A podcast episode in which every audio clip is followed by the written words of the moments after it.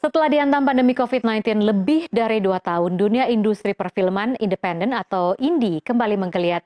Para production house yang juga memproduksi film indie ini sudah mulai kebanjiran order membuat film meski hanya tayang di media sosial.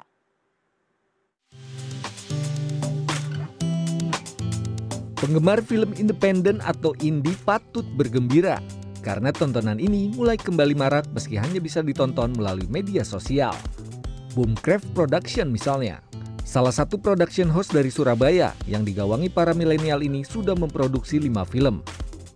Boomcraft juga saat ini tengah mempersiapkan film berikutnya yang rencananya akan diluncurkan dalam waktu dekat. Dan selamat acara ini semoga lancar untuk ke depannya dan Boomcraft di tahun ke depan dengan adanya tim dari kreatif dan lain-lainnya bisa menampilkan film-film yang berkualitas.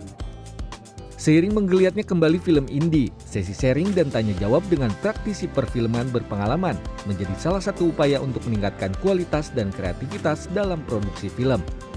Kebangkitan kembali industri perfilman Indonesia khususnya film independen diharapkan kini bisa lebih maju dan berkualitas lagi ke depannya setelah pandemi COVID-19 melanda uh, lewat networking lewat uh, sutradara Mas Iva Isfansyah waktu itu yang kemudian mengenalkan saya sama Santi Hamid uh, apa namanya produser dari Base Entertainment Studio yang kemarin mungkin kalau sempat dengar teman-teman uh, Lara Ati itu adalah film yang seperti produksi di Surabaya itu dari Base Entertainment.